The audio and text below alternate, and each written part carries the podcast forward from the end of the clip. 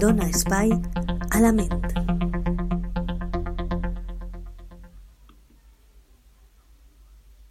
Hola a tots i totes, benvinguts una setmana més a Dona Espai a la Ment.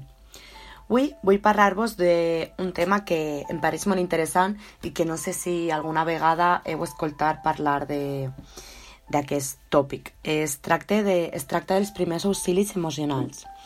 Bé, eh, són freqüents les situacions en les quals les persones del nostre entorn eh, estan passant mal i és constar saber com reaccionar per a donar-los suport. En aquests casos existeixen moments d'incertesa.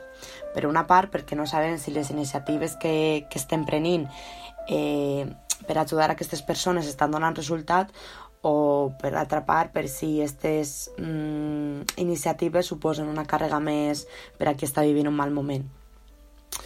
És normal, o cuidar, o, bé, cuidar dels nostres malestars físics és normal, però tothom sap que sentir dolors emocionals, com per exemple una sensació de fracàs o de rebuig, pot doldre tant o fins i tot més que el dolor físic, i ja que dol hem d'intentar detendre el dolor. A continuació parlarem d'algunes idees emocion eh, fonamentals perdó, que et serviran per orientar les teves iniciatives de suport emocional de la, manera, eh, bueno, de la millor manera possible. En primer lloc, pregunta què volen de tu. Pareix molt una, una cosa molt òbvia, no? Però davant d'una persona que està triste, la primera pregunta que hem de, hem de fer és què puc fer per tu?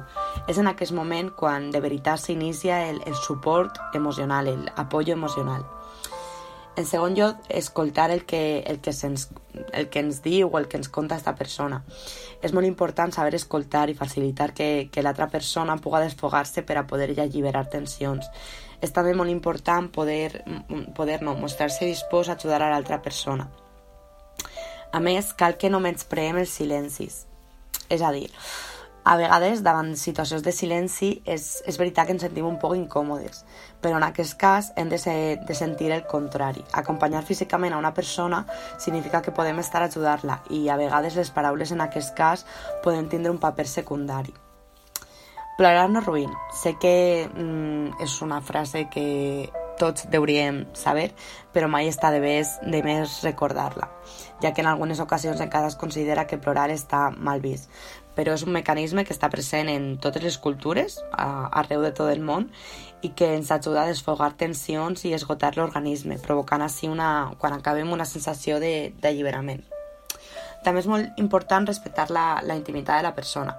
Encara que li mostrem el nostre suport a la persona que, que en aquests moments ho necessita, hem de tindre clar que això no significa que la persona estiga, eh, tinga que contar-nos tot, tot el que li passa per la seva ment. La intimitat és, és seua i tal vegada preferís no respectar-la i això cal que ho respetem fixar-se en els detalls importants. A vegades la persona que està, que està trista sol oblidar eh, coses importants del seu dia a dia i nosaltres cal que estem ahí per a recordar-li aquestes coses importants i fer-se-les veure. També és molt important eh, respectar el seu desig de soledat, ja que a vegades les persones prefereixen estar soles quan estan tristes i cal que respecten la seva decisió. A més, respectar en, en el més ampli de, dels sentits. Cal respectar el que és l'altra persona, encara que no ho compartim o, o, que, en el, o que si pensarem estar en el seu lloc sentirem altres coses diferents. Cal respectar-ho sempre. També cal eh, gestionar els nostres sentiments propis, ja que a vegades ens sentim un poquet violents per veure una persona plorant o inquieta i tractem de fer desaparèixer la nostra incomoditat eliminant el seu comportament. Vinga, no plores més, ja està, ja no passa res. Recorda que, que expressar les emocions d'una forma adequada és molt, molt sa i desitjable. Per últim, tratar amb compassió. Hem de tindre molta precaució en això, Compassió no significa pena i això és un terme que hem de tindre molt clar. La compassió és acostar-se a, a altra persona des de l'amabilitat, reconeixent la lluita que està tenint i oferint-li consol i suport. A més, per a mi hi ha dos, dos punts molt, import, molt importants en, en aquest tema, no? I és, és l'aprenentatge emocional, ja que aprendre quals són els o quins no són els tractaments efectius per a les ferides emocionals, mm, pensar en nosaltres mateixos, parar atenció i aprendre com solucionem o com afrontem aquestes ferides és molt, és molt important, perquè una, una vegada ens ocorrisca, a la segona vegades sabrem com, com fer-ho amb, amb menys cost emocional, per dir-ho d'alguna manera.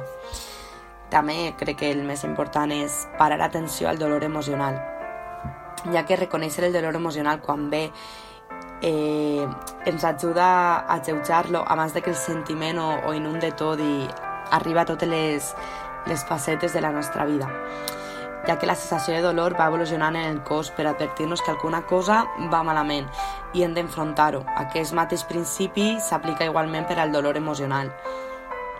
Si no superem un rebuig o un fracàs o un, un dia roïn, és símptoma de que s'ha patit una ferida psicològica i cal tractar-la com si es tractava d'una ferida física.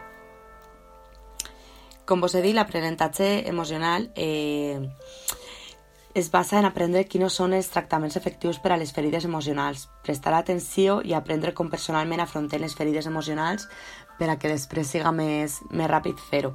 Repetisc aquest punt perquè per a mi és, és molt important. Es tracta d'un un aprenentatge com aprenem a pujar en bicicleta, pues, també cal aprendre l'aprenentatge emocional, com superar les adversitats i que es servisca com a, com a ajuda de, de totes les, les qüestions de la nostra vida.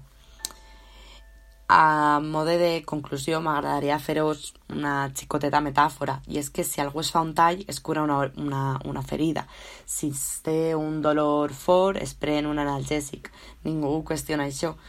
Però per què no, no succeeix el mateix a la nostra salut mental? Es creu que, que només cal esperar per a que superem aquestes ferides psicològiques. Però mmm, qualsevol persona que hagi experimentat el rebuig o agonitzat per culpa d'un fracàs, sap molt bé que les, que les ferides emocionals poden ser tan paralitzants com les físiques, com vos dia quan he començat el, el post. I ja que dol, hem d'intentar detindre el dolor. Per això és molt important tot el que vos he dit en, en aquest post. Espero que us hagi resultat interessant i es veiem la propera setmana. Gràcies.